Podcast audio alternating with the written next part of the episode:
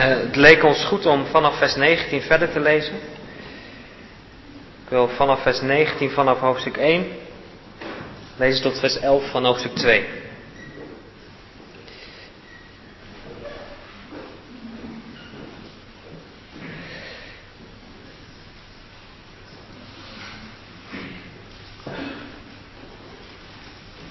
Want ik weet dat dit op mij behouden is zal strekken door uw gebed en de bijstand van de geest van Jezus Christus, volgens mijn rijkhalzende verwachting en hoop, dat ik in geen enkel opzicht beschaamd zal worden, maar dat met alle vrijmoedigheid, zoals altijd, ook nu Christus wordt grootgemaakt in mijn lichaam.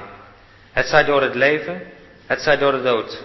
Want te leven is voor mij Christus en te sterven is winst.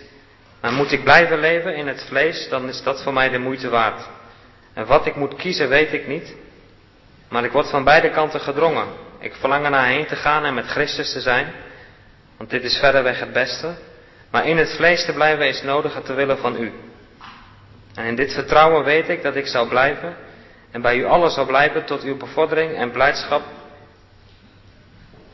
van het geloof. Opdat uw roem nog overvloediger is in Christus Jezus door mij. Totdat ik weer bij u ben. Alleen, Wandelt het evangelie van Christus, opdat het zij ik kom en ik u zie, het zij ik aanwezig ben, ik in uw omstandigheden hoor, dat u vaststaat in één geest, terwijl u één van ziel meestrijdt met het geloof van het evangelie en u in geen enkel opzicht door de tegenstanders laat afschrikken. Voor hen is dit een bewijs van verderf, maar voor u van behoudenis en dat van Gods wegen. Want u is het geschonken ten aanzien van Christus niet alleen in Hem te geloven, maar ook voor Hem te lijden, daar u dezelfde strijd hebt die u in mij hebt gezien en nu van mij hoort. Als er dan enige vertroosting in Christus, als er enige troost van liefde, als er enige gemeenschap van de geest, als er enige genegenheid en ontferming is, maak dan mijn blijdschap volkomen door hetzelfde te bedenken. Terwijl u liefde hebt, eenstemmig bent, het ene bedenkt. Doet niets uit partijzucht of ijdele roem, maar laat, in, elk in nederigheid de ander uitnemende achter dan zichzelf. Laat ieder niet alleen op zijn eigen belangen, maar ieder ook op die van anderen zien. Want laat die gezindheid in u zijn die ook in Christus Jezus was, die in de gestalte van God zijnde het geen roof geacht heeft God gelijk te zijn, maar zichzelf ontledigd heeft, de gestalte van een slaaf aannemend, de mensen gelijk geworden en uiterlijk als een mens bevonden heeft hij zichzelf vernederd, gehoorzaam geworden tot de dood, ja tot de kruisdood. Daarom heeft God hem ook uitermate verhoogd en hem de naam geschonken die boven alle naam is, opdat in de naam van Jezus elke knie zich buigt, van hen die in de hemel en hen die op de aarde en hen die onder de aarde zijn. En elke tong beleidt dat Jezus Christus Heer is, tot heerlijkheid van God de Vader. Het is uh, drie uur nu. En het is de bedoeling dat we om half vier weer pauze hebben, dus we hebben een goed half uur.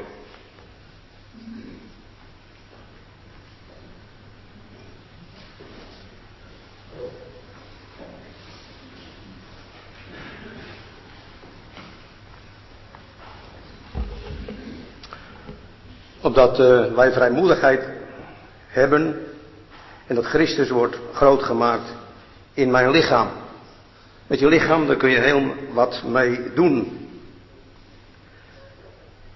Over uh, die vrijmoedigheid. Je kan jong en enthousiast zijn, zoals de discipelen. Hadden geweldige dingen meegemaakt. En dan zien we ze staan in Handelingen 4. Ze spreken met grote vrijmoedigheid over de Heer Jezus. Zijn eenvoudige, ongeletterde mensen. Maar met grote vrijmoedigheid spreken ze over een Heer. En wordt opgemerkt. En wat gebeurt er? De vijand zit niet stil. Ze worden gearresteerd. Ze worden gevangen gezet. Net als Paulus hier. Ze toen gevangen gezet. En dan later worden ze losgelaten. En wat gaan ze dan doen? Dan gaan ze bidden. Ze begrijpen wat nodig is. Wat we hier ook gelezen hebben. Over gebed en bijstand van de geest. Ze gaan bidden, lezen we dan in Handelingen 4. En ze gaan smeken tot God. Of Hij hen wil helpen. En of zij vrijmoedigheid krijgen. Ze hadden het. Maar vrijmoedigheid hebben en vrijmoedigheid houden, dat is nog iets verschil. Het moet er maar eens op aankomen. En het kwam er daarop aan. En dan gaan ze bidden om vrijmoedigheid. En God hoort een gebed. En ze krijgen van God vrijmoedigheid en dan spreken ze het woord van God met grote vrijmoedigheid. Vroeger stond het dikwijls in de openbaar vervoer. Een uh, spreuk, spreek vrijmoedig over God, maar misbruik zijn naam niet. Tegenwoordig zie je meer van die borden hier en daar aan de weg staan van uh, de bond tegen vloeken. Nou, uiteraard zijn we als christenen tegen vloeken. Dat doen we natuurlijk niet. Maar uh, ik ben meer lid van die andere vereniging. Ja, spreek vrijmoedig over God. En dat is iets heel moois. Maar dan moet je ook leren, dan moet je ook uh, genade van de Heer voor krijgen om dat te doen. Als er iets is waar we ons niet voor hoeven te schamen, dan is dat voor het spreken over de Heer Jezus. Die zoveel voor ons gedaan heeft. Maar het gaat niet vanzelf. Dat zien we hier. Het kan, soms, het kan soms heel moeilijk gemaakt worden. Je kan iets met je lichaam doen, hebben we vanmorgen ook gehoord. En ik vond er een, een voorbeeld van. Van de profeet Ezekiel. Ezekiel, die. Uh, weet dat was ook een gevangene. Die was ook als gevangene in ballingschap weggevoerd. En dan zit hij daar bij de Kedar. En dan moet hij iets aanschouwelijks doen. En zo zien we ook, soms moet je spreken. En soms moet je zwijgen. En dan zien we daar die Ezekiel liggen. 390 dagen lag hij op zijn ene zij. En daar nog een tijdje op zijn andere kant. En de mensen maar kijken. En de mensen maar vragen stellen. En soms dan kan je iets doen met je lichaam. Kunnen we hieruit leren. Zonder dat je iets zegt. Maar wat bij de voorbijgangers en mensen waarmee je in aanraking komt. Heel veel vragen oproept. En als die vragen dan komen. Dan kun je gaan spreken. Diezelfde Ezekiel, God ging dingen tegen hem zeggen. Hij mocht woordvoerder van God zijn. Namens God dingen tot het volk gaan zeggen. En die waren soms heel erg moeilijk. En God had hem gezegd dat Jeruzalem, dat werd nog belegerd, maar de val van Jeruzalem zou komen. En toen krijgt hij te horen dat, dat er iets vreselijks zou gaan gebeuren. En als er iets vreselijks zou gaan gebeuren, dan mocht hij niet huilen. Hij mocht geen misbaar tonen. Hij mocht zijn emoties niet uit. Hij mocht als het ware niets zeggen van zijn intense groot verdriet. Hij mocht dat niet laten merken. Nou, die avond sterft zijn vrouw. En hij mocht er niets van laten merken. Dat liet hij ook zien met zijn lichaam. Dus zien we die, die zegel, die had daar, de hele tijd had hij daar gelegen. Aan de kant. En toen was er iets heel ergs overkomen en daar kon hij met niemand over praten. En mocht hij zelfs zijn verdriet niet uiten. Maar dan lezen we in Ezekiel 29. Gelukkig blijft het er niet bij. Gelukkig heeft Ezekiel niet altijd moeten liggen en zijn mond moeten dicht houden. Want in, uh, dan zien we in Ezekiel 29 op de, het is al, dan zit hij al meer dan 20 jaar. Het 27e jaar op die eerste van de eerste maand. Een heel nieuw begin. De eerste van de eerste. Uitdrukking komen ook vers 17. Een nieuw begin als het ware. En zo kan God misschien ook met ons een nieuw begin maken. Om te gaan spreken. En God had hem dingen bekendmaken wat er gaat gebeuren met uh, Nebuchadnezzar. En wat er met Tyrus gaat gebeuren in Egypte.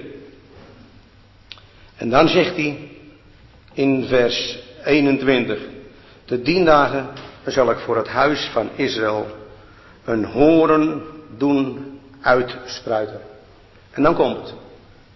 En aan u zal ik vrijmoedigheid geven om te midden van hen te spreken. En zij zullen weten dat ik de Heer ben. Die uitdrukking hebben we vanmorgen ook al twee keer gehoord. Weten. En hier vinden we het ook weer. God gaat hem gebruiken, zodat anderen kunnen weten wie God is.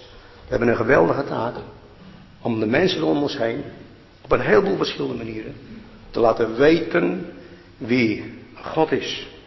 En dat kunnen we doen, zoals we zien, op een heleboel manieren. Onder andere met ons lichaam door te spreken en soms door te zwijgen.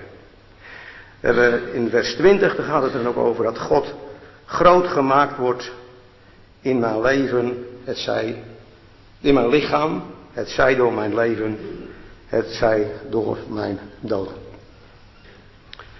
Sommigen weten dat ik iets uh, met Chinezen heb. En dat komt omdat mijn uh, Gerlacht, Ger is er ook wel geweest. Mijn schoondochter is een uh, Chinese vrouw en ik heb twee Chinese kinderen, dus ik heb iets met Chinezen. Ik had heel veel in die taal willen leren, had ik misschien met Ger volgend jaar meegegaan er naartoe, maar ja, dat is te moeilijk voor mij. Maar ik heb iets heel moois gezien. Een Chinees spreekwoord. En dat Chinese spreekwoord, dat is hier heel erg op van toepassing. En dat Chinese spreekwoord, dat wil ik met u delen. En dat is, de Chinese christenen die zeggen, een goede volgeling van Jezus is als een os. En dat wil zeggen, klaar voor de ploeg of voor het altaar. Dat was Paulus. Geschikt voor de dienst of voor het offer. Dat mogen we doen. Jezelf ten dienste stellen aan de Heer. Je leven. En jezelf helemaal opofferen zoals Paulus het.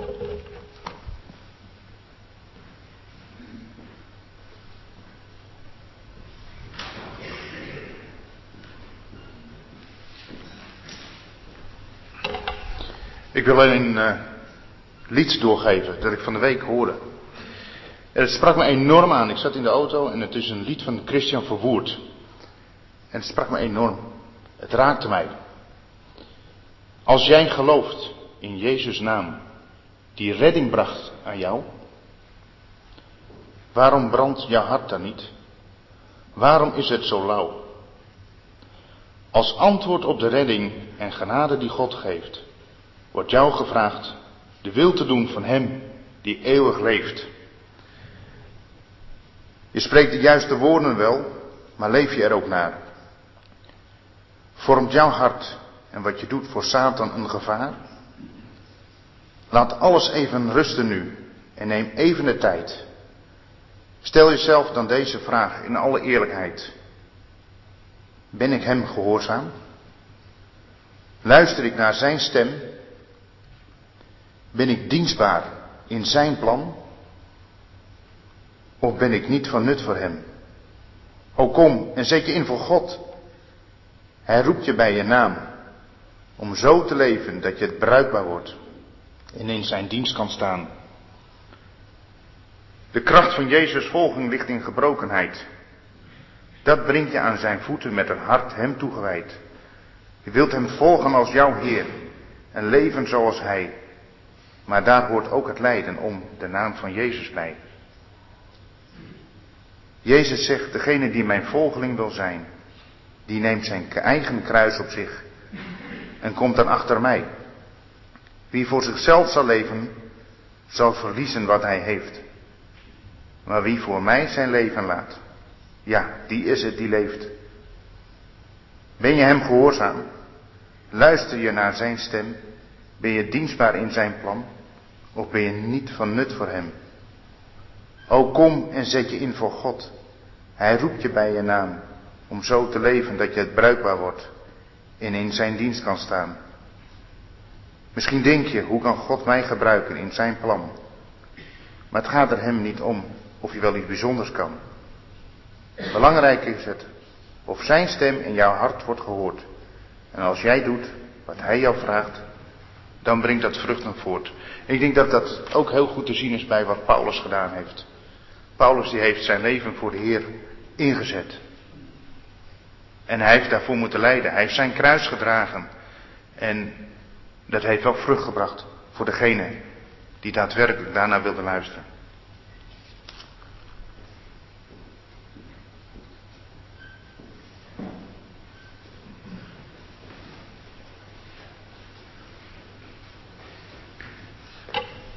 Wel een Nederlandse naam, maar ik kan niet uh, zo goed Nederlands dat je dat kan goed horen. Also, ich bin ein deutscher Bruder. oder ein Bruder aus Deutschland. In Winschoten wurde immer gesagt, nein, deutsche Brüder gibt es nicht und holländische nicht, sondern aus Deutschland.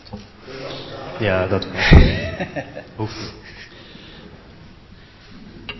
Als der Herr Jesus seine Jünger sandte, das ist ein berühmtes Wort, das kennen wir alle, da sagte er, mir ist gegeben alle Gewalt im Himmel und auf Erden. Toen de Heer Jezus zijn discipelen uh, uitstuurde, toen zei hij, mij is gegeven alle macht in hemel en op aarde. Wir wissen, dass er Tote auferweckt hat, We weten dat hij doden op heeft gewekt, dass er geheilt hat dat hij genezen heeft. und unsere Gedanken sind eigentlich so. En we denken daar ook zo aan. Der Herr hat es ganz richtig gemacht, als er Petrus aus dem Gefängnis auf diese wunderbare Weise befreit hat. De Heer heeft uh, het goed gedaan toen hij Petrus op deze wonderbaarlijke manier uit de gevangenis heeft bevrijd. Das ist die Macht Gottes. Dat is de macht van God. Und warum sind dann so gut wie alle Jünger umgekommen? En waarom zijn dan bijna alle discipelen omgekomen? Wo ist seine Macht?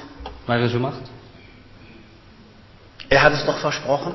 Hij, heeft, hij had het toch, toch beloofd. Ich sitze hier im Gefängnis. Ik ben in de gevangenis. Warum holst du mich nicht raus? Waarom haalt u mij niet eruit? Das Problem hatte schon Johannes der Täufer. Dat probleem had Johannes de Doper al. Bist du es wirklich? Bent u het waarlijk? Ich bin hier im Gefängnis Ik ben hier in de gevangenis. und äh, ich habe ja gar nichts von. En ik merk er helemaal niks van. Doch, er hat etwas davon gehabt. Toch, hij merkte er wel wat van. Glückselig ist er geworden, der Johannes. Gelukzalig is hij geworden, Johannes. Glückselig ist derjenige, der sich nicht ärgert an mir. Gelukzalig is hij die, me, die zich niet Der sich nicht an mir ärgert. Die, geen aan, die zich geen aanstoot aan mij neemt. Dem Herrn Jesus ist alle Macht gegeben in Himmel und auf Erden. De Heer Jezus is alle macht gegeven in hemel en op aarde. Und hier sehen wir, dass ein Mensch im Gefängnis sitzt, En hier zien we dat er een mens in de gevangenis is. erfüllt von der Freude an dem Herrn. Vervuld van de blijdschap aan de Heer. Wir haben gelesen bis Kapitel 2, Vers 11, We hebben gelezen het hoofdstuk 2 vers 11. wo gesagt wird zum Schluss, jedes Knie wird sich vor ihm beugen. Waar aan het eind wordt gezegd dat elk knie zich voor hem zal buigen. Wir haben hier eine der eindrucksvollsten Beschreibungen des Herrn Jesus. We hebben hier een van de meest beïndrukkende beschrijvingen van de Und dass alles, aber auch alles ihm zu Füßen liegt, liegen wird. En dat alles, maar dan ook werkelijk alles aan zijn voeten zal liggen. Und nun haben wir gesehen, ich will, dass meine Umstände und so weiter. Ich will da nicht wieder drauf zurückkommen. Wir müssen, wir können nicht immer auf den ersten Vers wieder zurückkommen. En dan hebben nur, we gelezen van, nou ja, wat we gelezen hebben en ik wil daar niet steeds op terugkomen. es ist ein, ich nenne das mal ein Paradoxon. Nee, ik zou dit maar een paradox willen noemen. Ein Gefangener sagt, es ist gut, dass ich gefangen bin. Een gevangene die zegt, het is goed dat ik gevangen ben. Die haben ihn gegriffen und er sagt, ich bin in den Fesseln Jesu Christi. En zij hebben hem gegrepen en hij zegt, ik ben in de ketens van Jezus Christus. Die Philipper haben das gut begriffen. De Filip, die Filippers hebben het goed begrepen. Ähm, als er im Gefängnis saß, Toen hij in de gevangenis zat, da wurde einer der schrecklichsten Menschen, nämlich der Gefängniswärter, zu einem Christen und sein ganzes Haus. toen werd eh, de gevangenisbewaarder tot een christen en zijn hele huis. Einer der Empfänger dieses Briefes. Eén van de ontvangers van deze brief. Was ist nun das Geheimnis? Wat is het geheim? Das Geheimnis ist, das klingt ja so banal, aber wir müssen für unser Leben wissen, was es bedeutet. Dat betekent, en het klinkt zo banaal, maar we moeten leren, eh, leren wat het betekent voor ons leven. Hier ist ein Mann, der erfüllt ist von der Person des Herrn Jesus. Hier is een man die vervuld is van de persoon van de Heer Jezus. Er sagt nicht, betet dafür, dass ich rauskomme. Zegt niet, bid ervoor dat ik eruit kom. Er sagt, ich werde zu eurer Freude sein. Das haben wir in, in äh, Kapitel 1, Vers, Vers 25. Hij zegt, ik zal tot uw vreugde zijn. En dat hebben we gelezen in hoofdstuk 1 vers 25. Er war nur erfüllt davon, dass der Herr Jesus ihn gebrauchen konnte. Hij was er alleen van vervuld dat de Heer Jezus hem kon gebruiken. Im Gefängnis oder außerhalb. In de gevangenis of daarbuiten. Was machen wir aber damit? Wat doen wij daarmee? Wir sind ja alle nicht im Gefängnis. Wij zijn niet in de gevangenis. Paulus sagt ja hier in Vers 29, Paulus zegt in vers 29. euch ist es im Blick auf Christus Want het is u geschonken ten aanzien van Christus. Geschenkt worden, nicht allein an ihn zu glauben, sondern auch für ihn zu leiden. Niet alleen in hem te geloven, maar ook voor hem te lijden. Würden wir wohl so ein Geschenk gerne haben? Zouden wij graag zo'n geschenk willen hebben? Ich will dich nicht auffordern zu sagen, Herr, schenke mir das auch. Ik stel je niet opdragen om te zeggen, ja, schenk mij dat ook. Wir sagen lieber, Herr, schenke uns ein stilles und ruhiges Leben und das ist auch biblisch. Wij zeggen liever, Heer, schenk ons een rustig en stil leven. En dat is ook bijbels. Aber wir müssen auch uns dessen bewusst sein, dass wir in der Zeit leben Maar we moeten ons ook bewust zijn dat wij in een tijd leven der größten Christenverfolgung, van de grootste christenvervolging. die je stattgefunden hat. Die ooit heeft plaatsgevonden. Und der Herr hat uns gesagt, gedenke der Gefangenen als Mitgefangene. En de Heer heeft gezegd, gedenk de gevangenen als medegevangenen. Wir sollen mit unserem Herzen, mit unseren Gedanken bei denen sein, die für den Herrn leiden. We moeten met ons hart en onze gedachten bij diegenen zijn die voor de Heer lijden. Es hat mich sehr berührt, dass einige gesagt haben, die solche Verfolgung erlitten haben. Het heeft mij zeer aangesproken die- dat mensen die zulke vervolgingen beleefd hebben, Betet nicht, dass wir freikommen. gezegd hebben, bid niet dat we vrijkomen. Bittet, dass unser Herz mehr erfüllt wird von dem Herrn Jesus. Maar bid dat ons hart meer vervuld wordt van de Heer Jezus. Aber die wir diese Freiheit haben, Maar wij die de vrijheid hebben, sollen wir nicht angesichts der Tatsache, dass Paulus gefangen war und die Leute wurden ermutigt, zu predigen, dat Paulus gevangen eh, was? En de mensen werden aangespoord om te prediken. und dass wir wissen, so viele Christen werden verfolgt, sollte uns das nicht anspornen, En dat we weten zoveel christenen worden er vervolgd, zodat we ons niet aan moeten sporen. den Herrn so zu suchen, dass er uns gebrauchen kann. De Heer zo te zoeken dat Hij ons kan gebruiken. Ob das ist im Hinblick auf die Predigt des Evangeliums Of dat is eh, het prediken van het evangelie. oder unser Wandel, wie wir hier es in Vers 27 sehen, wandelt würdig des Evangeliums. Of onze wandel, zoals we in vers 27 zien. Wandelt waardig het evangelie. Auch davon gibt uns ja dieser Brief ganz viele Beispiele. Ook daarvan geeft deze brief ons zeer veel voorbeelden. Dieses Wort in 21, das Leben ist für mich Christus und das Sterben Gewinn. Het woord in vers 21, het leven is voor mij Christus en het sterven is winst. Paulus sagt nicht, äh, das musst du so sehen, sondern das ist für mich so. Paulus zegt niet, dat moet jij zo zien, maar dat is voor mij zo. Er sagt nicht, das drücke ich dir auf, Er sagt sondern nicht- er sagt, das ist mein Leben. Hij zegt niet, dat leg ik je op, maar dat is mijn leven. Und das ist für uns einfach ein riesiges Vorbild. En dat is voor ons een heel groot voorbeeld.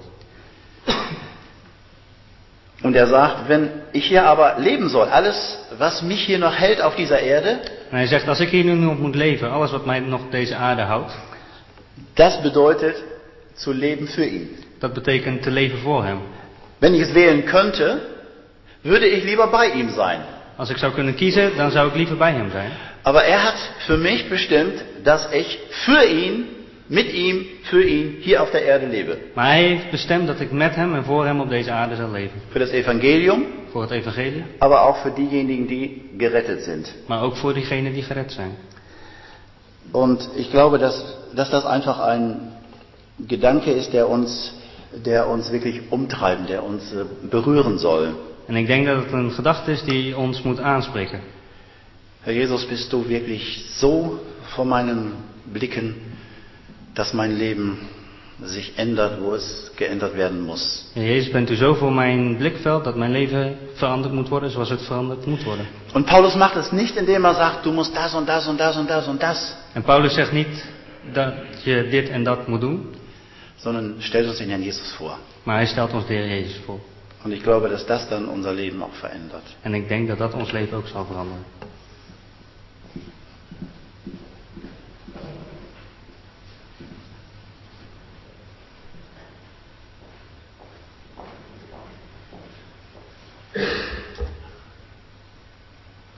Ik vind die vers 20 een heel moeilijke vers.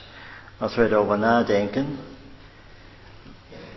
dan hebben wij hier gelezen met van die bijstand of van de verlening van de geest van Jezus Christus. En dan komt volgens mijn rijkhalsende verwachting. En dan gaat hij door totdat hij zegt dat Christus groot gemaakt wordt. Dat eerste kunnen wij goed begrijpen. Wij hebben die verlening of die bijstand van de geest. Het is eigenlijk een Grieks woord wat soms in de klassische literatuur gebruikt wordt voor een man die een toneelstuk betaalt. Een rijke man, soms in Duits zeg je meteen, die een kunst toneelstuk in een theater betaalt. Daarvoor alles voor zorgt. En dat vind ik eigenlijk een heel mooie een intimidatie. Dat de Heilige Geest dat ook doet. We zijn hier op aarde om iemand te vertegenwoordigen. Paulus spreekt in 1 Korinther 4 over wij zijn een schouwspel. Aan mensen, aan engelen en aan, aan de wereld. We zijn een schouwspel. Wat zien mensen? En dat de Heilige Geest alles verleend heeft en alles verleent dat in ons leven de Heer Jezus zichtbaar kan worden. Dat Hij kan doorschemeren. Dat hebben wij in het begin aan het eind van de laatste uur gezien. En dat deze verlening van de Heilige Geest, die Jezus Christus groot wil maken, daarop wachtte Paulus ja, met zijn, het verwachting. Hij heeft zijn hoofd gerekt om dat te verwachten. Hij zag er nog uit met het eindresultaat dat hij op een dag in de heerlijkheid zonder, uh, uh, staat in Duits, zonder uh, dat hij niet beschaamd zou worden. Hij ging er nog uitzien dat nu, met alle vrijmoedigheid, hij een beeld kon zijn van de Heer Jezus. Dat hij, mag ik zo zeggen, in dat toneelspel echt de Heer Jezus vertegenwoordigde. Dat die toneelspeler een identiteit had, eens werd met de persoon die hij voorstelde. Ik denk dat het een heel fijne allusie is om te zeggen wat hier voor de oog van Paulus staat dat de Heilige Geest in hem werkte, door beproevingen en door moeite, dat in zijn leven, door zijn lichaam, Christus groot gemaakt wordt. Dat was zijn rijkhalsende verwachting, dat hij op die dag zonder beschaming zou zijn en dat hij nu met vrijmoedigheid, ongehinderd door iets in zijn leven, zoals het altijd was, maar ook in de toekomst. Dat er geen breuk was in zijn leven, dat hij verder de Heer Jezus kon voorstellen, groot maken. Wij zien hier de hele leer van 1, 2 Korinther 3, dat wij vaten zijn, die een schat hebben. Een rijke schat, Christus in heerlijkheid, die wij aan mensen kunnen voorstellen. Maar dat licht kan alleen uitkomen, net als bij Gideon, die met zijn vatten in de oorlog trok. Met die fakkels, met het licht binnen die kruiken, met die, die vatten die hij droeg. Maar die, dat vat moest gebroken worden en dan kwam het licht eruit. En zo is het ook in ons leven. Dat vat moet gebroken worden. Ons eigen ik moet aan de kant gezet worden. Dat doet zeer. Maar is het niet de bedoeling of de wens van ons leven of zal het niet langzaam worden? Heer, als het moeite kost, dan wil ik dat graag hebben. Als ik pijn moet vertragen, dan wil ik dat graag hebben. Als ik vervolging moet lijden, wil ik dat alles hebben. Als u daardoor groter wordt. Is het echt de wens van ons hart? Dat weg te nemen wat hindert, dat we met vrijmoedigheid Hem kunnen groot maken. Van de David wordt gezegd in 1 Samuel 16 van die knecht die hem aan Saul voorstelt. Het eerste wat hij zegt over David is, hij kan spelen. Hij kan muziek maken. Is dat niet dat onze Heer Jezus dat wil doen in ons leven? Hemelse muziek in ons leven spelen, op onze harten, met onze lichaam, dat wij Hem hier op aarde al prijzen en loven en groot maken. Is dat die rijkhalsende verwachting, waar we naar uitzien dat de Heilige Geest die gekomen is om Christus te verheerlijken, dat nu al kan doen in ons leven. Dan zijn we echt een kanaal van zegen, die ongehinderd stroomt. Paulus kan zeggen, in 1, 2 Korinther 3, het evangelie, 4, het evangelie is alleen verborgen omdat die mensen door een ander licht verblind zijn. Want dat licht wat hij kreeg van God, stroomt zo ongehinderd door. Bij ons is het jammer genoeg heel vaak verduisterd. Dat licht wat de schrift ons geeft, wordt heel vaak door onze leven, door onze wandel verduisterd. Maar Paulus gaat hier zeggen, ook dat geeft aan dat grote doel. Dat wij gelijkvormig worden, nu al moreel, aan Hem. Dat te bereiken. Heeft God zwegen met mij, dat doel zal die bereiken. Maar laat ons dankbaar zijn dat wij die verlening van de geest hebben. Die bijstand van de geest, die alles heeft betaald. Dat nu al in ons leven de heerlijkheid van Christus kan gezien worden. Van Stefanos lezen wij dat zijn aan, zijn gelaat straalde als een engel. Want wat zag hij? Hij zag aan de rechterhand van God de Zoon des Mensen, een open hemel. Is dat niet de rijkdom die wij hebben? Dat wij nu hier op aarde die wens hebben, deze Jezus van Nazareth, die verlacht verspot is, die eenzaam alleen is, in ons leven groot te maken.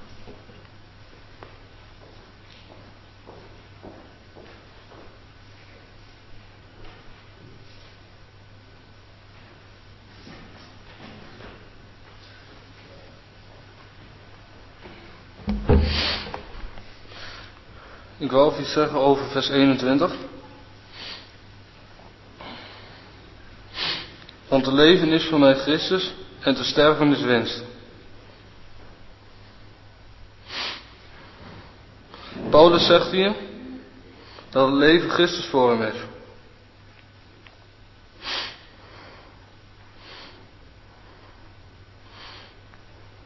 Dus de vraag tot ons, hoe zit dat bij ons? Paulus die zegt het over zichzelf.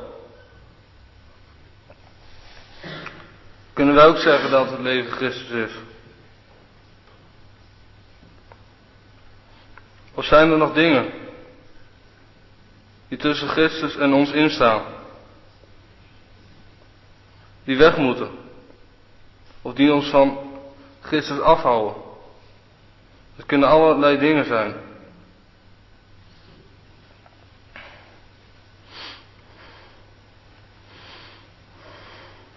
Want hij is het waard om in dit leven te laten zien wat hij gedaan heeft.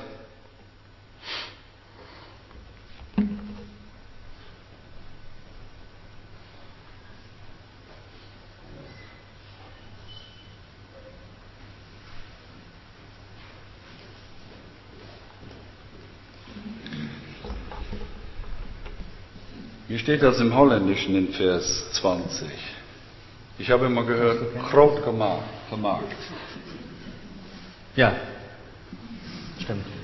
Ich finde das sehr interessant, wenn man so die unterschiedlichen Sprachen miteinander vergleicht. Im Deutschen steht hoog erhoben. Het is interessant om te zien als je de talen vergelijkt. Bij ons staat er in vers 20 groot gemaakt en in het Duits staat er hoog verheven. Das ist eine Steigerung. Dat is eigenlijk een overtreffing. Und ich freue mich, dass Rob bis Kapitel 2, Vers 11 gelesen hat. En ik ben blij dat Rob tot hoofdstuk 2 vers 11 heeft gelezen.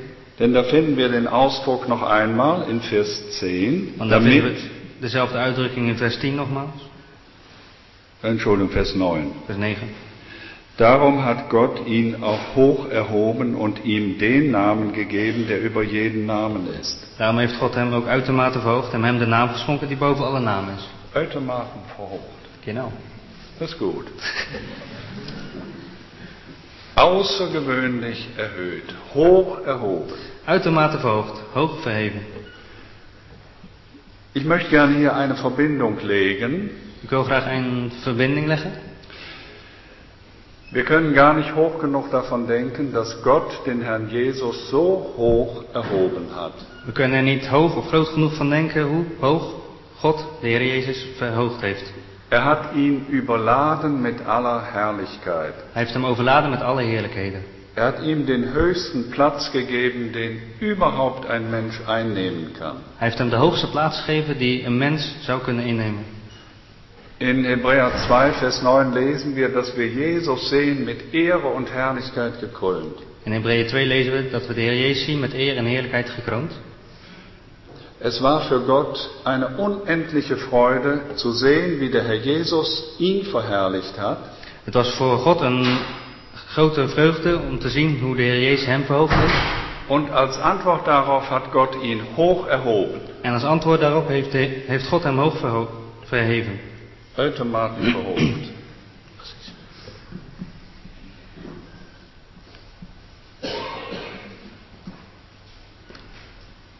Was ist jetzt, es gibt sicher mehrere Verbindungen, aber eine Verbindung, die liegt mir besonders auf dem Herzen. Diese Erhöhung des Herrn Jesus ist die Folge seiner tiefen Erniedrigung. Deze verhoging van de Heer Jezus is het gevolg van zijn diepe vernedering. Und der Herr Jesus hat nicht nur einfach das Leiden angenommen, De Heer Jezus heeft niet alleen het lijden aangenomen, sondern er hatte in diesem Leiden auch eine tiefe Freude. maar hij had in dit lijden ook een diepe vreugde. In der letzten Nacht, bevor er starb, hat er dreimal zu den Jüngern gesagt, In de nacht voordat hij stierf heeft hij driemaal tot de discipelen gezegd. in Johannes 15, 16 und 17, In Johannes 15, 16 en 17. dass er möchte, dass seine Jünger die Freude haben, Dat hij zou willen dat de discipelen die vreugde zouden hebben die auch er immer hatte. die hij ook altijd had. Jetzt möchte ich eine Verbindung ziehen zu Paulus in Kapitel 1, Vers 20. En dat wil ik verbinden met Paulus in hoofdstuk 1 vers 20. Wann wird Gott am höchsten durch das Leben eines Gläubigen hoch erhoben? Wanneer wordt God door het leven van een gelovige uitermate verhoogd? Wenn alles verschwindet, was nicht gut ist. Als alles verdwijnt wat niet goed is. Und Gott ist dabei, das bei dem Apostel Paulus zu bewirken. En God die bewerkt dat in de apostel Paulus. Und je mehr Paulus zurücktritt, En hoe meer Paulus terugtreedt, umso mehr wird der Herr Jesus erhoben. zo des te meer wordt de Heer Jezus verhoogd. Ist das nicht ein wunderbares Geheimnis für uns alle? Is dat niet een wonderbaarlijke ja, geheimnis voor ons? Je mehr wir gedemütigt werden, Hoe meer wij ehm ja, verootmoedigd worden, je mehr wir leiden hoe meer wij lijden. und jetzt nicht nur leiden, En niet alleen lijden, sondern das Leiden mit Freuden annehmen. maar het lijden met vreugde aannemen. Und das sehen wir bei Paulus. En dat zien we bij Paulus. Er litt nicht nur, sondern er freute sich. Hij leed niet, maar hij, hij leed niet alleen, maar hij verblijdde zich ook. Und dadurch wurde der Herr Jesus hoch erhoben. En daardoor werd de Heer Jezus uitermate verhoogd. Und dann macht es keine Rolle mehr, spielt es keine Rolle mehr, ob er im Leben verherrlicht wird En dan maakt het niet meer uit of hij in zijn leven wordt verheerlijkt oder im Tode. of in de dood. Und das ist dann das Thema der folgenden Verse. En dat is het onderwerp van de volgende verse. Paulus war bereit zu sterben. Paulus was bereid om te sterven. Er hatte den Tod vor Augen. Hij had de dood voor ogen.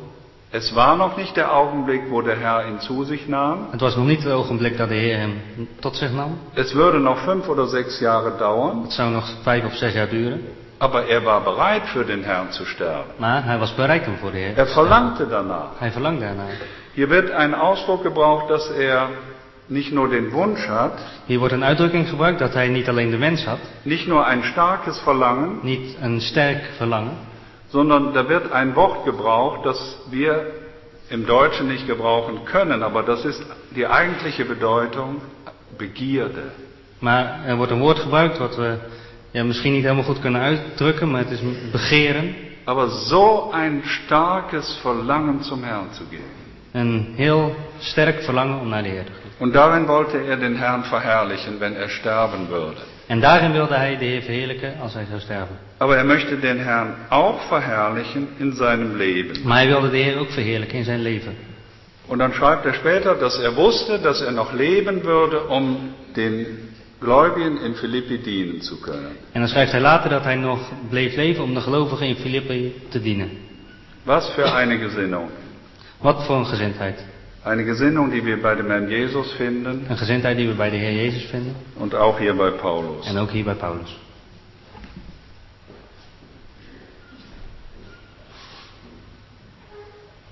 Graag nog een enkel woord over vers 20. We hebben iets gehoord over groot gemaakt, over hoog verheven worden. Het is belangrijk dat wij eh, een beetje idee hebben van, eh, ja, ik vind het Nederlandse toch wel mooi, ook groot gemaakt. Dat het gaat om eh, de Heer Jezus die groot gemaakt wordt in ons leven, van wie we eigenlijk kunnen zeggen, joh, kunnen wij hem groot maken? Ik bedoel, hij is toch groot? Je kunt hem niet groter maken dan hij is?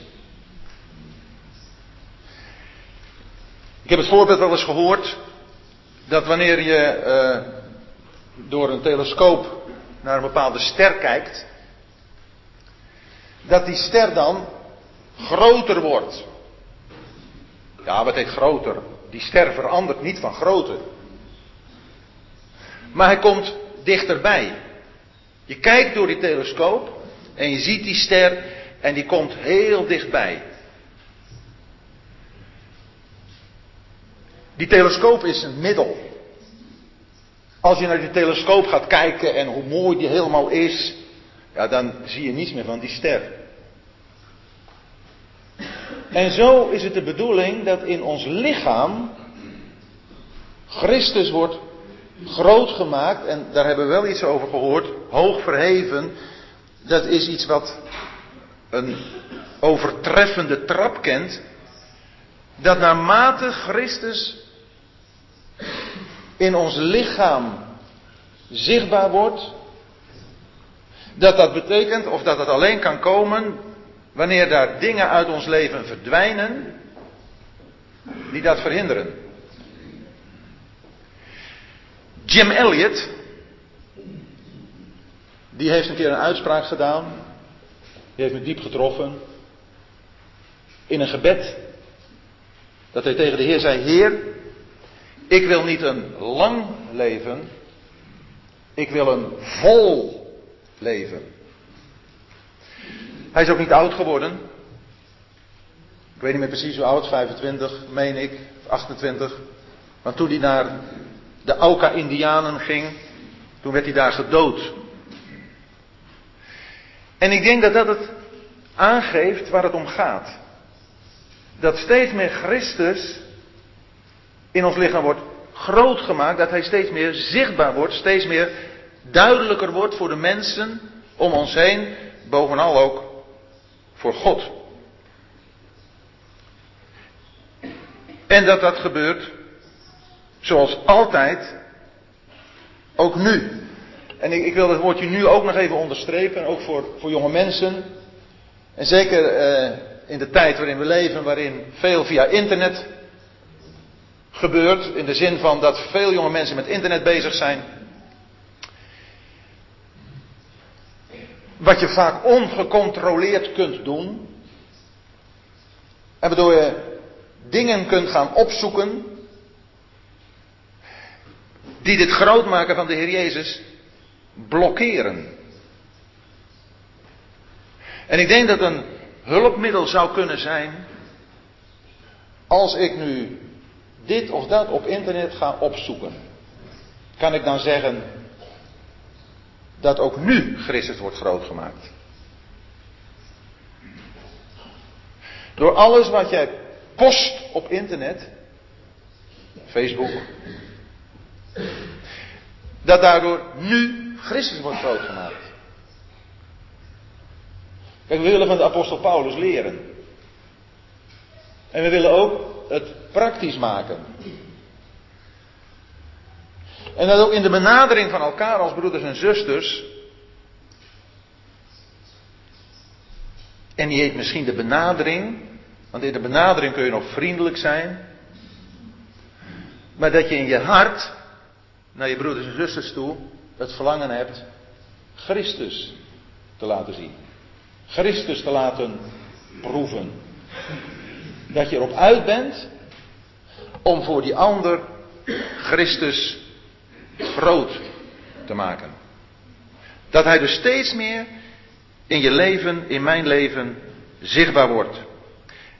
En ik zeg nu weer mijn leven, maar het is inderdaad, zoals al opgemerkt is, mijn lichaam. Met alles wat ik doe. Mijn handen, mijn voeten, mijn denken, mijn plannen. Dat dat allemaal in dienst van Christus staat om Hem groot te maken. Om Hem zichtbaar te maken. Maar ook vooral dus die verheven persoon te laten zijn. Waarvan anderen dan onder de indruk komen en zeggen, Hem wil ik leren kennen. Ik wil die heiland ook gaan volgen. Zou dat mooi zijn als dat in onze levens en ook als uitwerking van deze overdenkingen praktijk zou worden.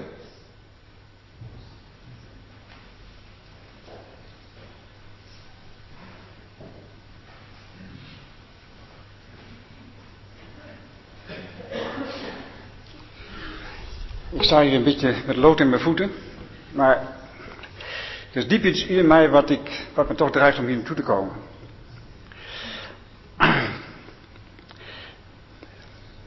Dat er iets is in mij, hè, wat mij drijft om Christus groot te maken. Daarvoor hebben we even nagedacht over wat er allemaal aan verleiding op ons kan afkomen. Uh, internet is genoemd en ook andere dingen. En uh, ik weet niet hoe het u vergaat, maar ik ben tot de conclusie gekomen, dat kan ik niet. Um, dan zeg ik natuurlijk iets over mezelf en dat wil ik eigenlijk niet doen. Maar dit is volgens mij iets waar in ieder geval ook in deze zaal ontzettend veel, ook jonge lui denk ik, en ook broeders en zusters, iedere dag mee kunnen worstelen. Dit kan ik niet. Maar als we kijken naar het gedeelte wat we nu overdacht hebben, en daar hadden we ook in de pauze, had ik daar even met mijn broer over. En die zei van ja, ik pak iets niet. Er kwam dat beeld naar boven van iemand die op het water loopt. Paulus die, zoals hij zichzelf beschrijft, ja dan denk je, mijn leven is Christus, 24 uur per dag, 100 procent. Ik was eigenlijk al een beetje blij met een broeder, ik weet niet wie het was, die zei, dat geldt voor Paulus. Maar ten diepste is dat niet zo. Het is een model wat voor ons allen geldt. En daar mogen we naartoe groeien, even als de, Paulus, de Filippenzen oproept om daar naartoe te groeien. Maar de conclusie uit dit model wat hij ons voorschildert, daarvan zien we, en ik denk dat u dus de enige ervaring hebt om dat als model te nemen, dat als voorbeeld te nemen. Hoe mooi het ook is daarnaar te streven, dat voor ogen te hebben, het is een onmogelijke route.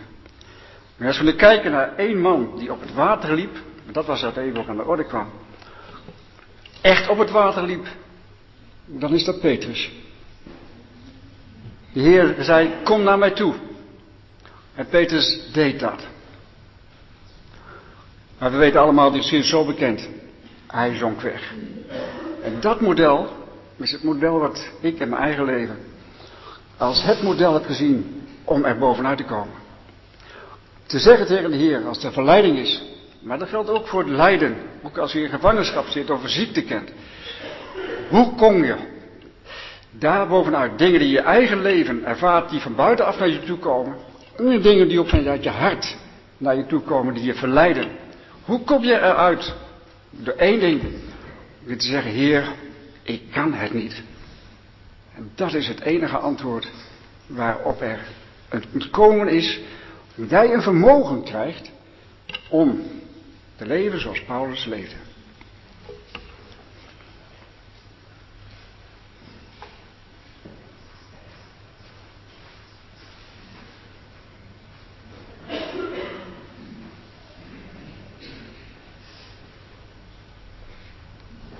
Ik denk dat we hier komen bij de, bij de kern waar het om gaat. Als, het gaat om leven als gelovigen. En dan moest ik denken aan, want we lezen helemaal aan het begin van deze brief over Paulus en Timotheus, slaven van Jezus Christus. En toen keek ik even terug in Exodus 21 en vers 5. Exodus 21, vers 5, daar staat dat die slaaf zegt, ik heb mijn meester, mijn vrouw en mijn kinderen lief. Ik wil niet als vrij man vertrekken. Vrij. Deze, deze wereld waarin wij leven, die, die schreeuwt het ons toe. Je bent vrij. Je mag zelf beslissen. Je moet het zelf maken. Je moet zelf je weg uitstippelen.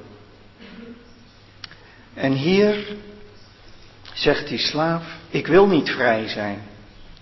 En dat is eigenlijk iets heel, iets heel tegennatuurlijks.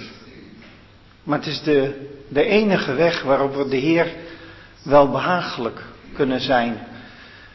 En het kernwoord daarin is afhankelijkheid. En ik denk dat dat iets is waar een mens het altijd het moeilijkste mee heeft. Afhankelijkheid, afhangen van. En dan moet je het dus overgeven. Dan moet je dus naar de Heer toe met alles.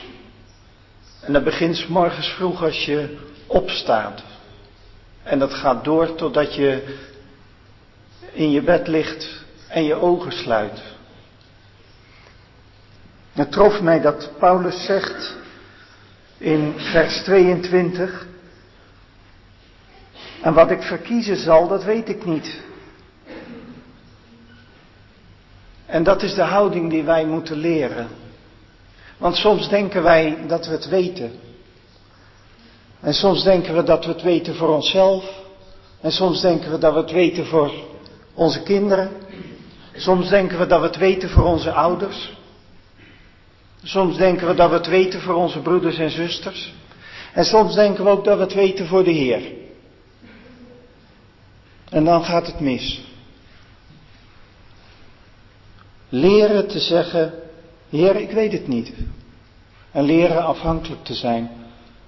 In de grote dingen, tuurlijk als er iets heftigs gebeurt in je leven en je bent helemaal geschokt, ja dan zijn we wel gewend om naar de Heer te gaan. Dat, dat lezen we ook in de Bijbel. Mensen die iets hevigs overkwam, die tot God gingen daarmee. Maar leren om de Heer tot in de kleinste details de beslissing te laten nemen. Dat vergt oefening. En dat vergt een wandel met de Heer van dag tot dag. En dat begint in de kleine dingen. En het is soms inderdaad een gebedje onder het autorijden. Een gebed als je naar een gesprek moet wat je moeilijk vindt. Zoals ik vorige week had. Ik moest een gesprek gaan voeren met iemand. Want er was een conflict ontstaan. En dan moet je ineens een gesprek gaan voeren. En je wil dat dat gesprek goed gaat. Dat, dat de uitkomst goed is. En dan ga je daarmee naar de Heer. En dan vraag je de Heer om je te helpen. Om je de juiste woorden te geven. En dan doet hij dat. En dan is het heerlijk als dat gesprek afgelopen is en het is goed geweest. Dan voel je dat de Heer je leidt. En dat is weer een basis voor verdere groei. Zo groeit je vertrouwen in de Heer. En natuurlijk is het altijd een groei met vallen en opstaan. Maar naarmate je verder groeit in het geloof, wordt je vertrouwen groter en ga je de Heer meer de kans geven om in je leven te spreken. En dat is waar we als broeders en zusters, als gelovigen naartoe moeten. Dat, dat Hij de leiding heeft en dat wij afhankelijk zijn van Hem.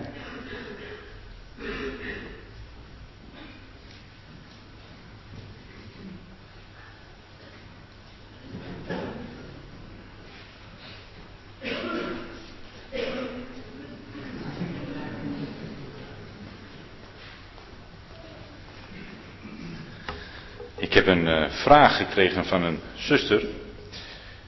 En die gaat over wat is vrijmoedigheid en hoe of wanneer geeft God vrijmoedigheid.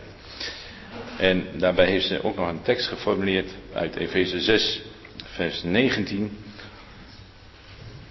Ook voor mij dat mij bij het openen van mijn mond het woord geschonken worden om vrijmoedig het geheimenis van het evangelie bekend te maken, waarvoor ik een gezant ben in ketenen. Er staat nog een opmerking onder, was Paulus inderdaad gevangen? Ik zou ook nog iets willen zeggen over dit vrijmoedigheid. Want ik denk dat dat een van de dingen is die ons eigenlijk het meest in de weg staat. We vinden in uh, vers 14 aan het eind, of laten we dat hele vers maar eens Het merendeel der broeders in de Heer heeft door mijn gevangenschap vertrouwen gekregen om met des te meer moed, en daar staat ook een andere uitdrukking wel, maar ook vrijmoedigheid, onbevreesd het woord Gods te spreken. En dan vinden we in vers 20, naar mijn vurig verlangen en hopen dat ik in geen enkel opzicht beschaamd zal staan, maar dat met alle vrijmoedigheid, zoals steeds ook nu Christus zal worden groot gemaakt in mijn lichaam. Vrijmoedigheid, moed. Er zit het woordje moed in. Je kunt moed hebben. Heel veel mensen hebben moed. En die, die, die, die putten moed uit allerlei dingen. Maar moed alleen is niet genoeg. Hier staat ook nog vrij bij. Ik denk dat het woordje vrij ook in dit geval heel belangrijk is. Om dat aan elkaar te koppelen. Vrijmoedigheid. En vrijmoedigheid heb ik als ik geen enkele belemmering zie om dat te vertegenwoordigen wat mij het meeste waard is. En wat is ons het meeste waard? En dat speelt hier ook. En wat willen we dan groot maken? En dat speelt hier ook. En ik denk dat het goed is om daarover na te denken. Maar misschien ook dat andere broeders een antwoord kunnen geven op deze vraag.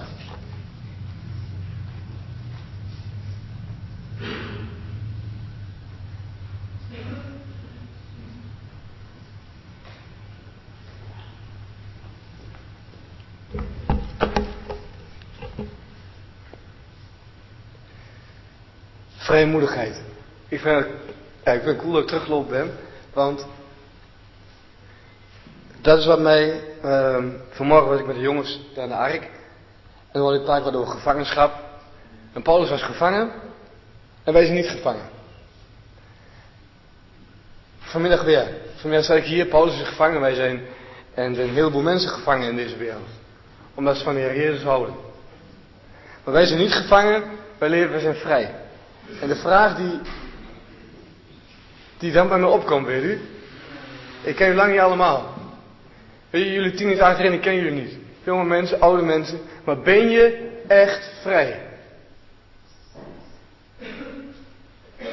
Je zit niet achter tralies. Maar ben je echt vrij? Hoe kan mijn leven zo zijn dat mijn leven Christus is? Dat voor mij te leven Christus is. Zoals Paulus is. Paulus is het model. En dan kunnen we denken, daar kom ik nooit aan. Anders stond het niet in de Bijbel. Dus hoe kun je lijken op de Heer Jezus? En dan moet je teruggaan. Dan moet je gaan naar de Heer Jezus. En de Heer Jezus zegt in Johannes 8,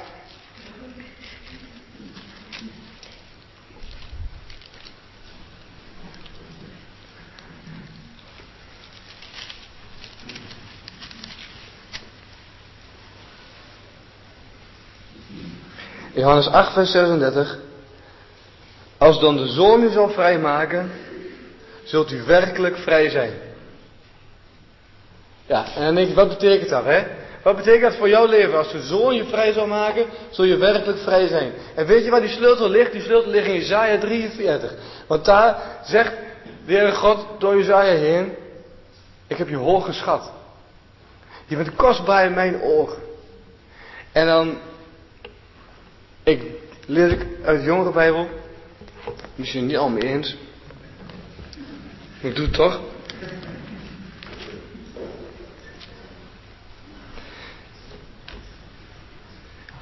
Weet je, dan kom je iets dichterbij, misschien je eigen woorden, hè? Isaiah 43, vers 4. En dat, lieve vrienden, broeders en zusters, die zijn mijn broers en zussen, dat heeft mijn leven op de kop gezet. Isaiah 43, vers 4. En daar staat, daar zegt de Heer Jezus tegen jou. Maar vul daar je naam in, hè? Dan staat jij, maar vul daar jouw naam in. Zal ik er mijn naam invullen? Dan klinkt het al heel anders. Willem, je bent zo kostbaar in mijn ogen. Zo waardevol. En dan staat daar, in deze vertaling, en ik hou zoveel van jou. En als je dit gaat beseffen, hè, je kunt het weten, je moet het weten, je moet het voelen, dan, je hoeft niks. Je moet, je gaat gewoon lezen. God zegt tegen jou, de Heer Heer zegt tegen jou, ik hou zoveel van jou. En dat zet je leven op de kop. Dat heeft Paulus leven op de kop gezet. De ontmoeting met de Heer Jezus. Toen hij daar in het licht gezet werd van God. En dat is mijn vraag, hè. Ben je, ben je echt vrij? Wat doet deze dag met je? 16 maart 2013. Wat doet deze dag met je? Waar je de hele dag mag luisteren naar Gods woord. Dan ben ik best misschien wel heftig, hè? En gelijk op de man af. Maar dat is de zo. Wat doet het met je? 16 maart 2013. Hoe ga je naar huis? Hoe is je dag maandag? Niet morgen, morgen is het makkelijk. Hoe is je dag maandag? Als je thuis moet oppassen op twee kleine kinderen. En de muren komen op je af. Hoe is je dag maandag als je op school komt? En je bent de enige die gelooft in de Heer Jezus. Ben je vrij? Durf je kleur te bekennen? Durf je tegen de stroom in te gaan? En waarom? Omdat de Heer Jezus tegen je zegt: Ik hou zoveel van je. Dat heeft hij laten zien. Op het kruis van Golgotha.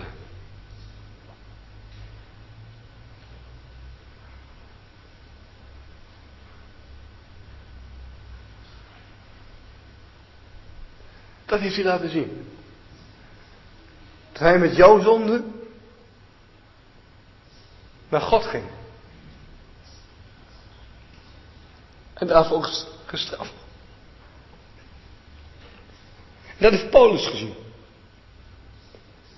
Paulus heeft het gezien. Dat alles wat hij deed. Wat hij verkeerd gedaan heeft. Wat hij weggedaan is. En weet je, Paulus was een fanatiekeling. En ik weet niet hoe je bent. En ik hoop dat je gaat ontdekken wie je bent. Want wie je bent zonder Jezus Christus, dat is de Bijbel vrij duidelijk over.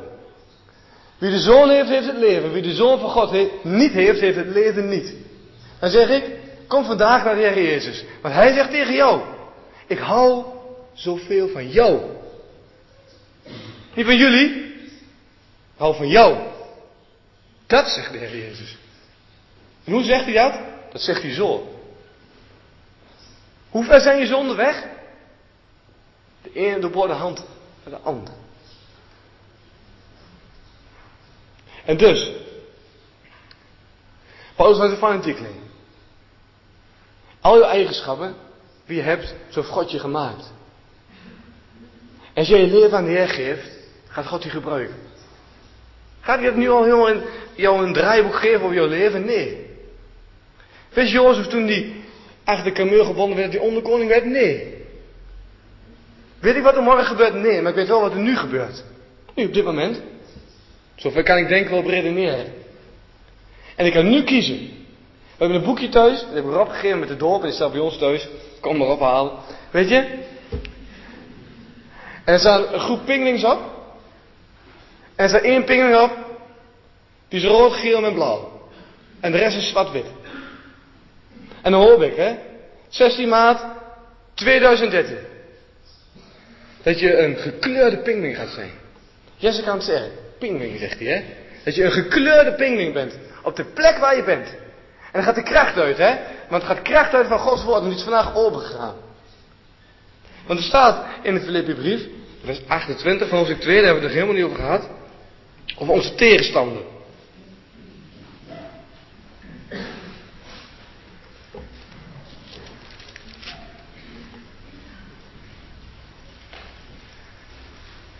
Laat u geen enkel opzicht door de tegenstanders afschrikken.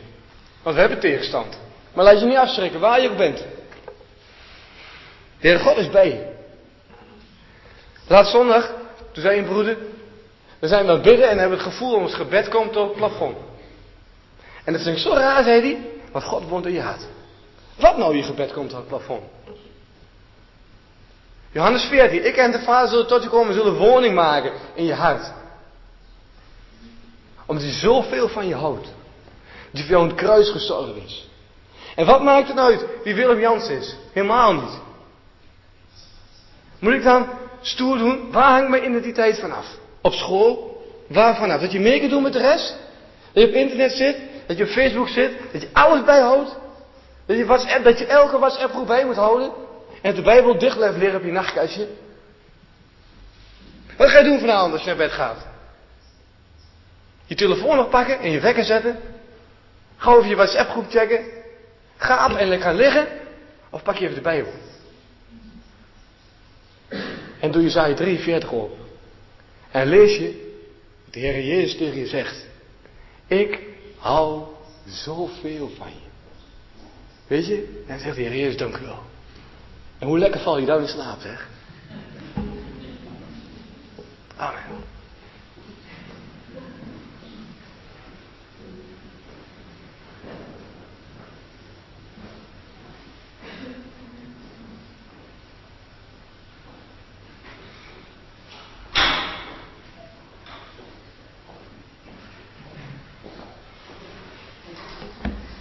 Want het leven is voor mij Christus. Paulus heeft erover gesproken dat hij de Heer wil groot maken of verheven door zijn leven en door zijn dood. Waarom kan hij zo onverschillig over praten? Niemand van ons hier in die zaal wordt vandaag gevraagd of hij de Heer door de dood groot maken zou. Daar zijn we nog alle niet aan toe. Maar Paulus kan het zeggen, hij staat aan toe, hij wist, het kan een oordeel van dood zijn. Wat op mij wacht, dat is mogelijk. De kans bestaat er. Maar waarom kan hij zo onverschillig zijn? Omdat Christus voor hem de inhoud van zijn leven is. Wij kunnen alle die hier in de zaal zeggen, Christus is mijn leven, zoals er staat in Kolosser 3, vers 4. Als Christus ons leven geopenbaard wordt. En dat is een hele grote rijkdom. Wat wij daarmee bezitten. Dat Hij ons leven is. Al die schatten die daarmee verbonden zijn. Dit leven is verborgen nu bij God. Het is bij God te huis, dit leven. Kunnen wij dat begrijpen? Dit leven heb ik. Wat te huis is in de hemel. Bij God. Maar het is wat anders te zeggen wat Paulus hier zegt.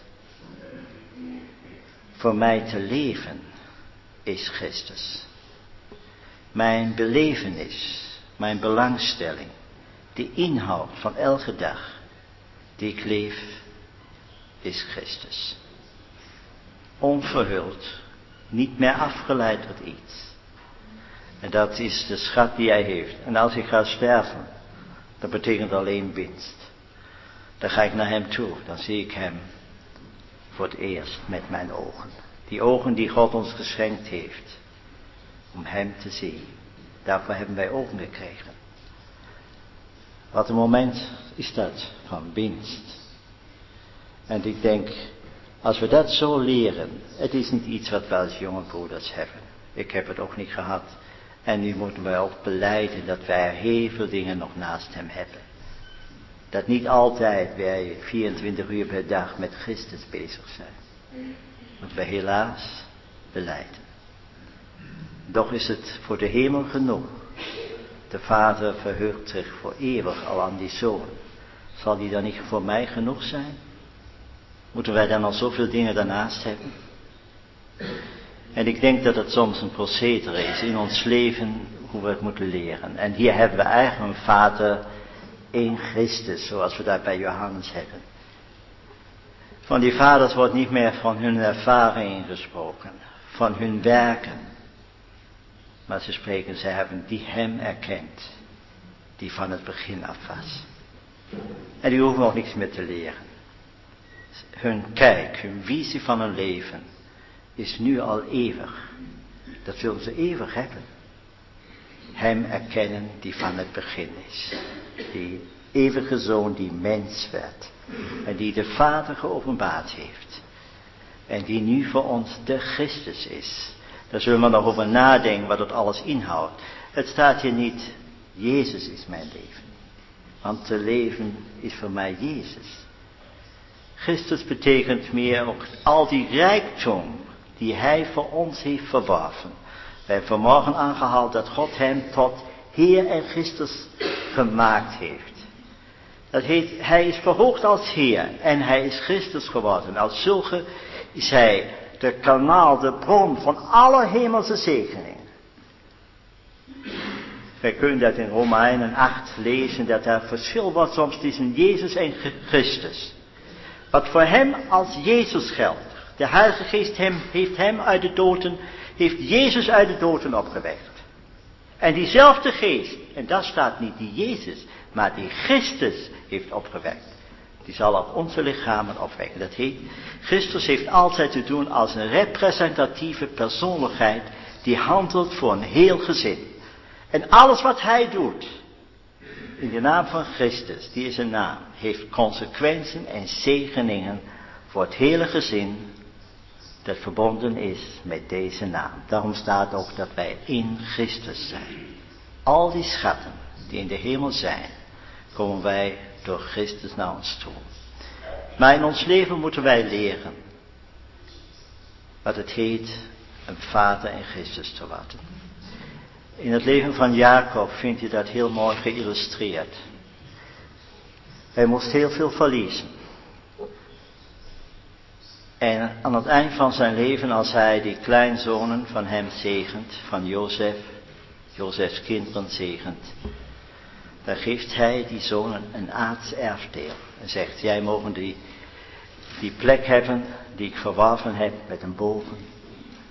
En daar staat zo bijzonders daarna, maar voor mij stierf op de weg naar Ephrata, Ephraim, naar Bethlehem. Als daar Benjamin geboren werd, stierf Rachel. Rachel was de inhoud van het leven van Jacob geweest. Voor heeft hij 14 jaar gewerkt. En dan moest hij ze verliezen. En van dit moment aan had de aarde voor Jacob geen inhoud meer. Maar waar is ze gestorven? Waar is Rachel gestorven? Aan die plek waar Benjamin geboren werd, in Bethlehem. En is dat niet zo als God in ons leven soms iets wegneemt, dat dan Christus geboren werd in ons leven? Dat dan de aardse dingen geen waarde meer hebben, omdat wij die schat gevonden hebben die eeuwig blijft. Wij vinden in het leven van Jonathan zo leuk. Die vrouwen hebben geprezen. Die hebben gezongen. Saul heeft duizend verslaan. En David tienduizend nadat hij Goliath heeft overwonnen. En we weten, David had in dit moment alleen één persoon overwonnen. Maar daar kwam een man, Jonathan. En dat is eigenlijk hier zo wat eh, Paulus hier deed. Dat je ziet dat zijn ziel zich verbond met de ziel van David. En hij had hem lief als zijn eigen ziel. En dan legt Jonathan alles af aan de voeten van David. Dat in mijn lichaam Christus groot gemaakt wordt. Alles afleggen aan zijn voeten. En dan zul je later dat lied horen wat David over Jonathan gedicht heeft. Dat hij zegt, hij was mij meer waard dan vrouwenliefde. Dat was een vriend voor hem. En willen wij dat niet zijn, vrienden die alles geven voor hem. En die dan wie Simeon in de tempel, daar zie je ook iets, kan zeggen, als hij dat kind, op die dag zit hij in de tempel en opeens komt dan echtpaar binnen. En er kwamen misschien op die dagen vele echtparen binnen. Maar opeens weet hij, dat is het. En dan komt de Heer Jezus gedragen van zijn moeder. En hij neemt dat kind. En hij zegt, genoeg. Ja, het is alles genoeg. Als je hem hebt, is het genoeg. En hij kan sterven. Ik heb het heil, de redding van de Heer gezien. Ik kan nu gaan. Hij is bereid te sterven. Hij weet, dat is genoeg voor mij. En Paulus, die kan het ook zeggen. Hij kan leven en sterven. omdat hij hem heeft, die eeuwige zoon, die Christus, als de inhoud van zijn leven. Hij wist elke dag, zal ik meer van hem kennen leren. Totdat die volmaakte dag komt, want het zonlicht schijnt. De weg van de rechten tot de middag loopt, waar dat volle licht schijnt. Waar zijn sterven voor eeuwig winst betekent, waar we hem voor het eerst zullen zien.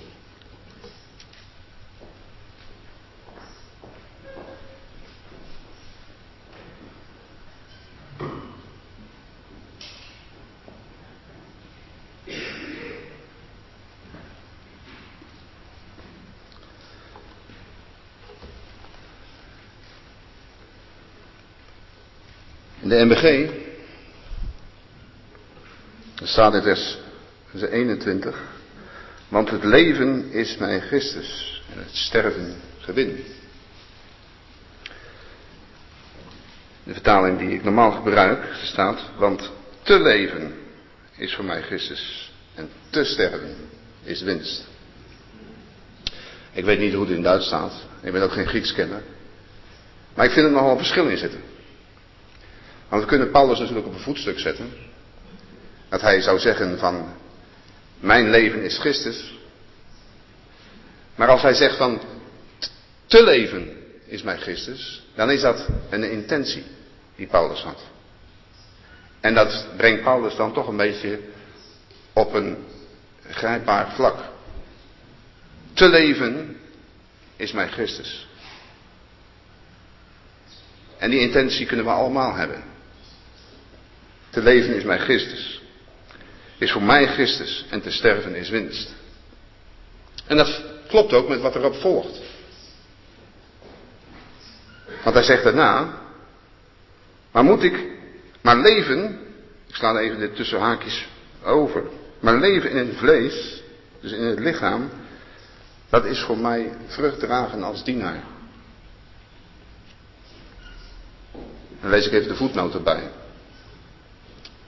van Dat was de intentie van Paulus. Leven was voor hem vrucht dragen als dienaar, als dienstknecht. Bezig zijn voor de Heer. Dat was zijn insteek. Te leven, voor mij is Christus. En het is totaal iets anders. Mijn leven is Christus. Dat is waar, dat is een waarheid. Mijn leven is Christus. Maar te leven is voor mij Christus. Is een intentie die Paulus had. En die mooie intentie kunnen we allemaal hebben. Dat doel mogen we allemaal hebben. Dat is bereikbaar, om het zo te zeggen. Voor ons allemaal, zoals we hier zitten. Te leven voor mij is Christus. Is bereikbaar voor ieder van ons. Het is niet ongrijpbaar. Dat is niet Paulus als apostel die ongrijpbaar is en die op een bepaald niveau leeft waar wij niet aan kunnen komen. Nee, Paulus had de intentie om te leven voor Christus. Te leven is voor mij Christus. En natuurlijk, te sterven is winst. Paulus zegt niet dat hij graag ging sterven. Of dat zijn doel in het leven was dat hij zich uittrok naar de, naar de dood. Nee, te sterven was winst. Dat is de intentie. Dat is het doel. Dat is het land wat hij zag waar we mee vanmorgen begonnen zijn. Dat was het uiteindelijke plan om door de Jordaan te gaan naar de andere kant en daar omhoog te stijgen op die hoogte tot aan Jeruzalem. Om die 1,2 kilometer omhoog te gaan. Op die bergen van Jeruzalem. Dat was Paulus' doel. Dat was zijn intentie. Te sterven is winst. Maar het is nodiger dat we hier blijven te willen van u, zegt hij. Om dienstbaar te zijn. En misschien kunnen we dat ook vanmiddag meenemen. Dat onze intentie mag zijn dat we voor elkaar dienstbaar mogen zijn. Dienstbaar als knecht van de Heer. Onder zijn leiding uiteraard. Ik ben niemands knechtje. Ik ben niemands eigendom om het zo te zeggen. Ik ben zijn eigendom. Te leven is voor mij Christus in zijn dienst te mogen gaan. In zijn leven, zijn voetstappen te mogen staan. Te leven is voor mij Christus. Ja, sterven is winst. Maar ik hoop Ik hoop dat we met z'n allen gaan. Misschien vanmiddag nog. Maar ik hoop dat we allemaal gaan. Zonder te sterven. In één keer bij de Heer. Bij Hem.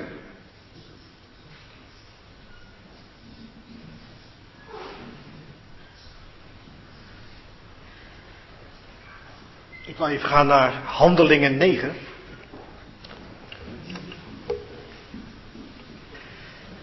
In Handelingen 9.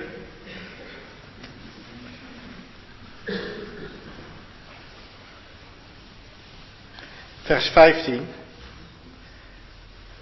Daar staat, de Heer zei echter tot hem, ga, want deze is mij een uitverkoren vat om mijn naam te dragen, zowel voor volken als koningen, zonen van Israël, want ik zal hem tonen hoeveel hij moet lijden om mijn naam. We zien in Filippenzen hoe Paulus daar in de gevangenis is. En we zien een gezindheid naar voren komen hoe Paulus eigenlijk boven de situatie uitstijgt. Dat is niet zomaar vanzelfsprekend. Dat betekent dat hier iets gebeurd is met deze man, waarin de Heer Jezus heeft laten zien wie hij is. En Paulus zat eerst aan de andere kant van de streep. En waarin hij uiteindelijk een dag een werk Gods te doen. Toch, de Heer Jezus kwam hem tegen. De Heer Jezus heeft, is hem tegengekomen en heeft laten zien wie hij is. En in dat tonen, denk ik dat waar, hier we, waar we hier iets vinden van een Paulus zoals hij is, waarin hij gezien heeft dat hemels gezicht.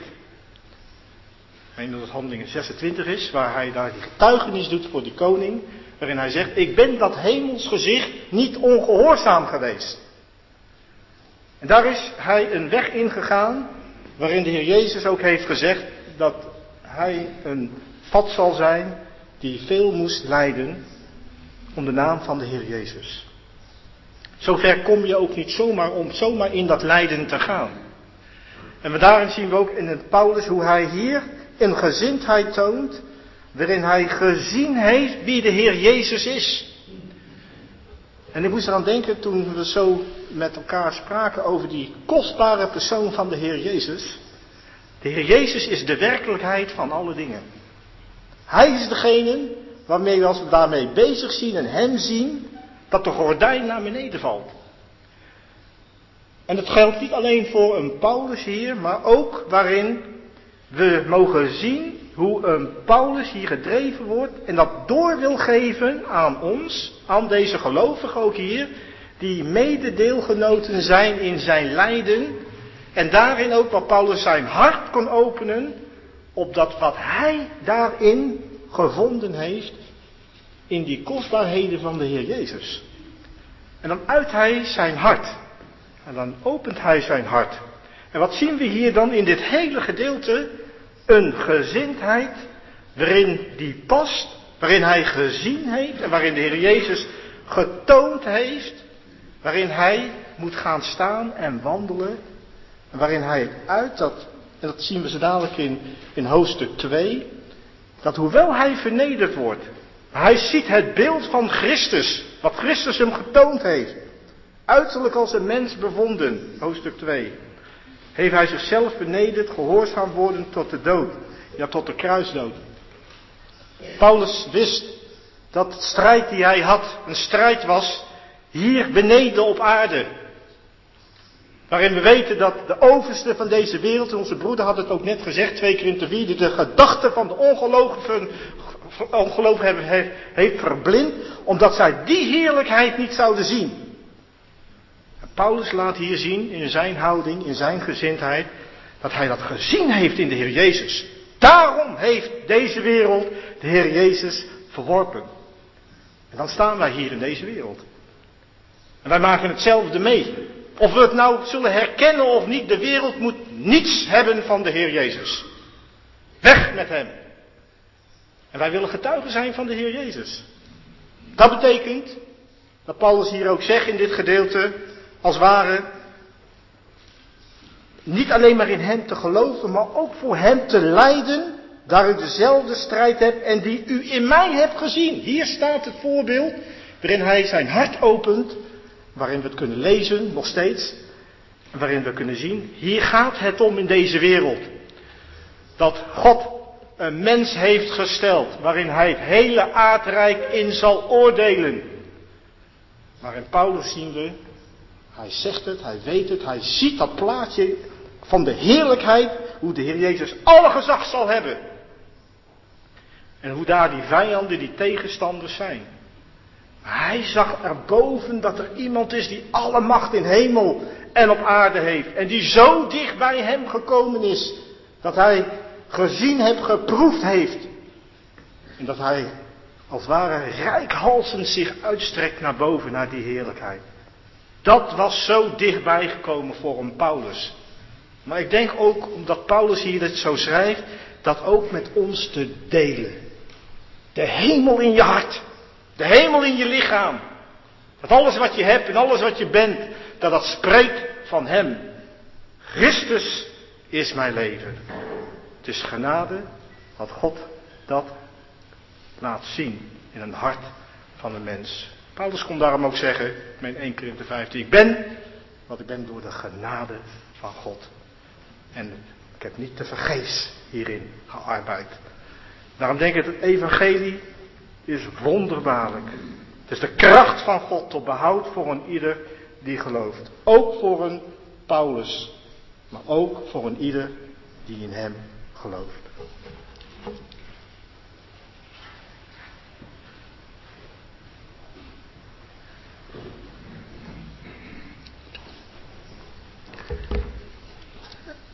Jongelui, broeders en zusters, ik zit eigenlijk nog met een probleem.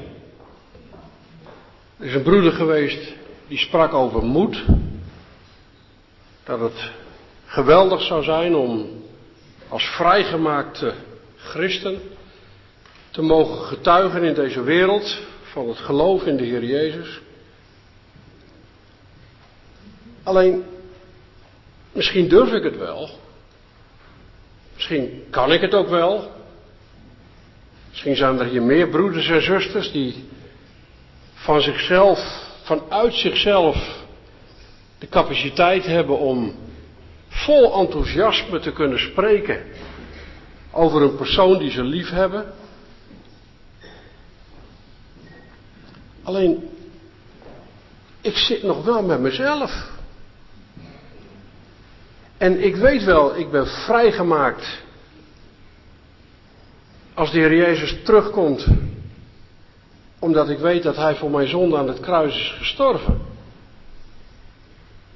Maar ik heb wel mijn karakter. Ik ben wie ik ben. En ik kan wel proberen om elke dag bij het opstaan de Heer te vragen: Heer, wilt u mij maar veranderen? En s'avonds voor het naar bed gaan, danken voor datgene wat Hij voor die dag heeft gegeven. En of Hij maar weer kracht wil geven om de volgende dag mij de moed te geven. Maar ik ben nog steeds wie ik ben. En wat ik toch een beetje. Misschien heb ik niet goed geluisterd. Maar geeft de Heer me toch de vrijmoedigheid om het nog maar naar voren te brengen. We lezen in Galaten.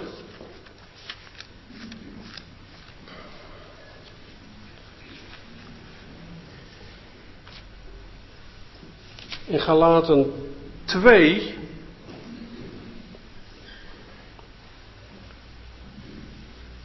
Vers 20.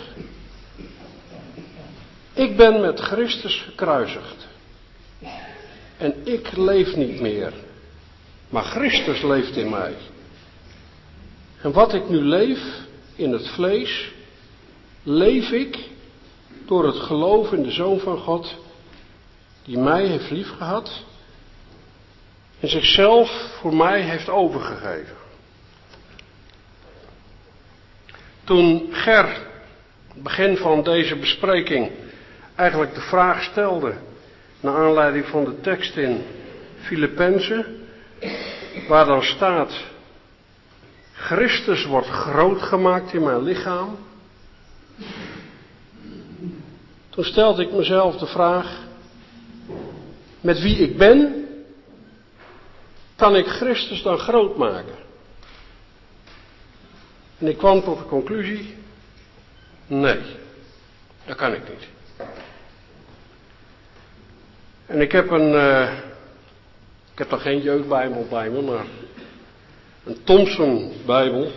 Toen zocht ik het op en daar staat een hele mooie zin.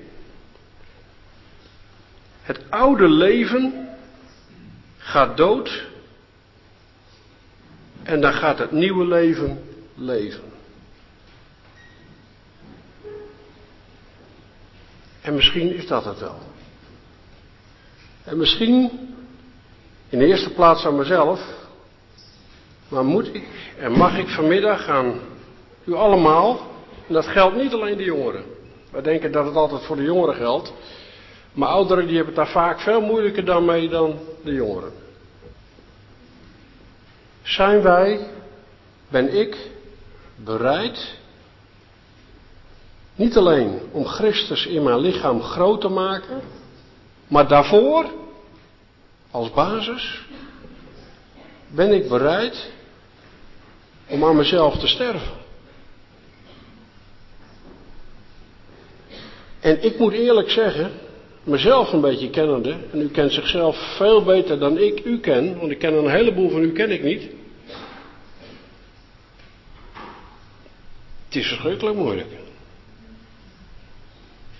Maar ik mag weten, door Gods genade, door Gods genade, dat omdat ik vrijgemaakt ben, omdat ik een nieuw leven heb ontvangen, dat Hij mij ook dagelijks de kracht zal geven om Hem te kunnen grootmaken, om eerst aan mezelf te sterven.